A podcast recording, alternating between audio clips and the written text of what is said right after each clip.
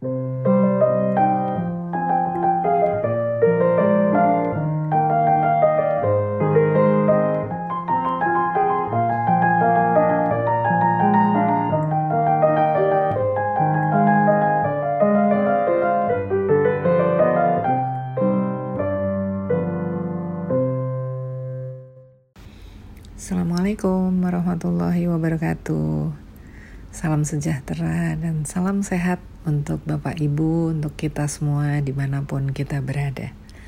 Selamat datang ke mata kuliah metode penelitian untuk minat-minat kebijakan dan manajemen kesehatan. Welcome to Research. Saya Adi Utarini, atau biasa dipanggil Uut. Sehari-hari saya bekerja di Departemen Kebijakan dan Manajemen Kesehatan, Fakultas Kedokteran, Kesehatan Masyarakat, dan Keperawatan UGM. Gedungnya ada di gedung IKM, lantai 2.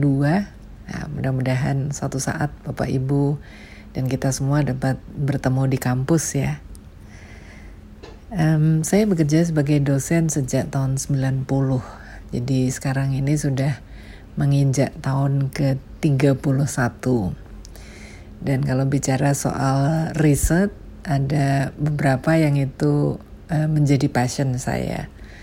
Um, yang pertama, kalau terkait dengan kebijakan dan manajemen kesehatan, um, saya banyak melakukan riset di bidang regulasi dan manajemen mutu pelayanan kesehatan, serta juga apa ya um, terlibat dalam kegiatan-kegiatan di divisi mutu pusat kebijakan dan manajemen kesehatan um, dulu menginisiasi badan mutu pelayanan kesehatan dan ya juga sampai dengan saat ini masih terlibat di beberapa riset. Uh, kalau tentang metodenya saya ini jatuh hati pada penelitian kualitatif yang saya kira aplikasinya um, cukup banyak di bidang kesehatan dan pelayanan kesehatan. Um, selain itu saya juga mempunyai beberapa riset yang terkait dengan manajemen penyakit menular, uh, khususnya di tuberkulosis dan Hampir 10 tahun ini saya terlibat memimpin penelitian terkait dengan pengendalian demam berdarah. Jadi itu sedikit tentang background riset saya. Oh ya, um, saya juga suka menulis. Menulis itu menyenangkan bagi saya. Dan buku yang terakhir saya tulis adalah mengenai penelitian kualitatif dalam pelayanan kesehatan. Tak kenal maka tak sayang. Um, di sisi keluarga kami keluarga kecil dengan satu anak perempuan kuliah di komunikasi UGM. Suami bekerja di Departemen Farmakologi dan Terapi di fakultas yang sama, Fakultas Kedokteran Kesehatan Masyarakat dan Keperawatan UGM. Tapi beliau sudah terlebih dahulu berpulang tahun lalu karena COVID berbicara tentang penelitian, hal lain yang relevan untuk Bapak Ibu adalah sejak dua tahun yang lalu ada sebuah jurnal baru yang hadir namanya The Journal of Hospital Accreditation. Jurnal ini diinisiasi oleh KARS, Komite Akreditasi Rumah Sakit bersama dengan Fakultas Kedokteran Kesehatan Masyarakat dan Keperawatan UGM. Dan saya kira skop dari jurnal ini juga um, tidak hanya terbatas pada akreditasi rumah sakit, tetapi secara umum juga uh, termasuk artikel hasil penelitian mengenai keselamatan pasien, mengenai mutu uh, pelayanan kesehatan. Jadi mungkin Bapak Ibu juga bisa uh, menyimak jurnal ini dan ini free, bisa diakses secara online. Um, ya, untuk menyeimbangkan hidup, saya juga mempunyai beberapa hobi. Uh, bidang olahraga, saya menyukai tenis meja dan bersepeda. Um, kemudian saya juga senang bermain musik, khususnya piano. Jadi nanti kalau Bapak Ibu mendengarkan musik piano itu adalah saya sendiri yang memainkan untuk menambah semangat Bapak dan Ibu. Baik, Bapak Ibu, jadi itu perkenalan saya dan kalau Bapak Ibu ingin apa lebih banyak berkenalan berkenalan lagi ya. Silahkan mengunjungi di uh, Instagram. Lumayan aktif gitu. Uh, alamatnya at Adi Utarini Musik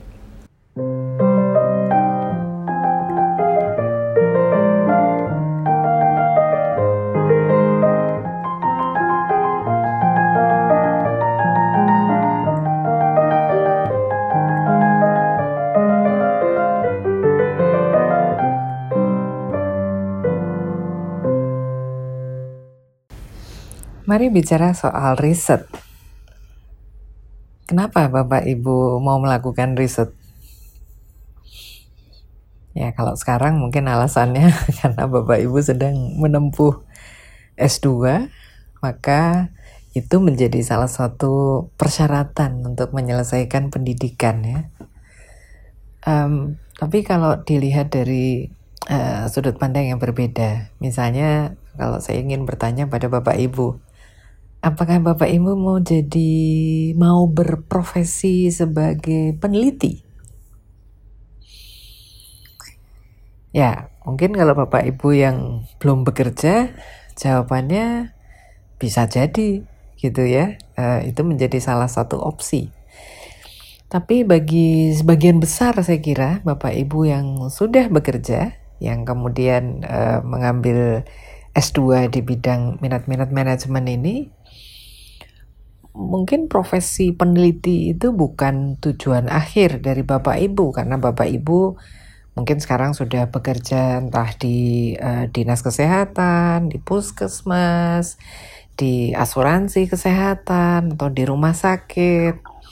Sehingga uh, melakukan riset bukan untuk sebagai berprofesi uh, peneliti akan tetapi Bapak Ibu ingin melakukan penelitian untuk tujuan yang berbeda. Nah, tujuannya apa? Um, mungkin tujuannya uh, riset sebagai salah satu cara untuk memahami persoalan-persoalan yang Bapak Ibu hadapi di tempat kerja, bahkan sampai dengan Bapak Ibu ingin mencari solusi yang paling tepat dan apa uh, membuktikan intervensi yang Bapak Ibu pikirkan itu efektif apa tidak untuk memecahkan masalah. Sehingga di sini penelitian yang nanti akan dilakukan untuk memenuhi persyaratan tesis itu uh, dilakukan untuk Bapak Ibu memahami suatu persoalan itu bisa persoalan manajemen atau persoalan kebijakan dengan lebih baik sampai dengan bisa pula untuk tujuan uh, mengatasi suatu permasalahan melalui intervensi-intervensi yang Bapak Ibu lakukan dalam penelitian. Jadi ini konteksnya. Nah, uh, seperti apa tesis yang baik itu? Ini juga pertanyaan menarik tesis yang baik itu adalah tesis yang selesai dan begitu ya and useful dan bermanfaat. Nah, tentu kalau bicara manfaat itu manfaat yang ingin diperoleh adalah beyond manfaat untuk bapak dan ibu ya kalau manfaat untuk bapak dan ibu sudah jelas gitu selesai pendidikan bapak ibu akan memperoleh uh, gelar eh, S2 dan itulah manfaat untuk bapak ibu tetapi kita ingin mendorong supaya apa yang bapak ibu lakukan ketika penelitian itu juga bermanfaat untuk organisasi tempat bapak ibu bekerja atau uh, setting di mana penelitian itu akan dilakukan. Nah, kalau kalau berbicara mengenai uh, tesis yang done, yang selesai, ya artinya Bapak Ibu sudah memahami bahwa Bapak Ibu diberikan waktu selama dua tahun untuk menyelesaikan seluruh persyaratan dalam dalam pendidikan. Dan uh, ya kalau kalau belum selesai, Bapak Ibu masih ada ekstra waktu satu tahun lagi gitu ya. Tapi harapannya within this time frame, Bapak Ibu akan bisa menyelesaikan seluruh persyaratan itu dengan baik. Nah, Bapak dan Ibu, uh, kami di program studi ya, program studi HPM dari waktu ke waktu memikirkan dan mendiskusikan dengan berbagai pihak mengenai sebetulnya seperti apa model-model tesis yang bisa mencapai dua tujuan tadi uh, dan and useful. Dan ini uh, diskusi yang terakhir juga bahkan kami lakukan dengan mitra uh, di luar negeri ya, Johns Hopkins University yang mereka sangat terkemuka dalam pendidikan untuk public health secara umum.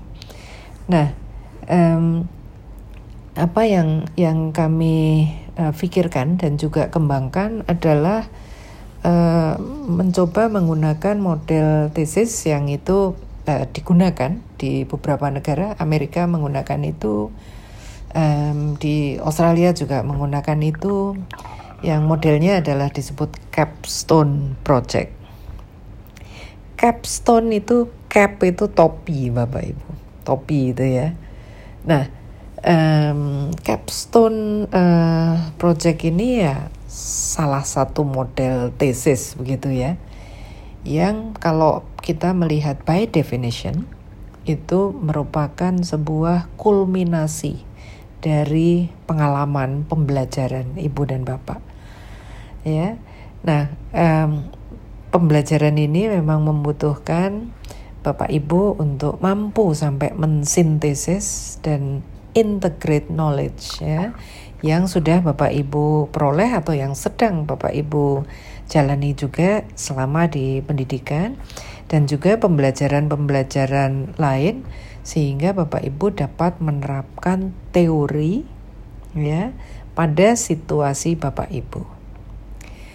Nah, dalam menerapkan teori itu um, di konteks uh, penelitian ini, harapannya juga Bapak Ibu dapat menerapkan professional practice. Jadi ada unsur professional practice yang itu blended dengan uh, kegiatan selama Bapak Ibu melakukan penelitian. Nah, professional practice berarti kalau Bapak Ibu mengambil minat-minat HPM, ya itu artinya uh, praktek profesional. Kalau sebagai misalnya nanti kalau S2-nya SIMKES ya berarti untuk dalam hal sistem informasi manajemen kesehatan. Professional practice di bidang uh, pembiayaan dan manajemen asuransi kesehatan di bidang kebijakan dan manajemen pelayanan kesehatan KMPK dan juga mungkin Bapak Ibu yang bekerja di bidang perumah sakitan. Jadi tidak hanya professional practice kaitannya dengan research itself, research itself, tetapi juga professional practice sebagai policy maker atau sebagai manager. Nah, eh, sehingga dengan uh, capstone ini sekali lagi yang menjadi titik tolak yang penting adalah menyiapkan Bapak Ibu untuk professional practice ini sekaligus uh, melakukan penelitian yang bertitik tolak dari masalah yang dihadapi Bapak Ibu dalam keseharian Bapak Ibu berperan sebagai apa sebagai tenaga kesehatan, sebagai manajer, sebagai direktur atau kepala pimpinan di institusi Bapak Ibu. Um, di berbagai institusi ya. Ini bisa fasilitas kesehatan atau institusi um, regulator seperti dinas kesehatan.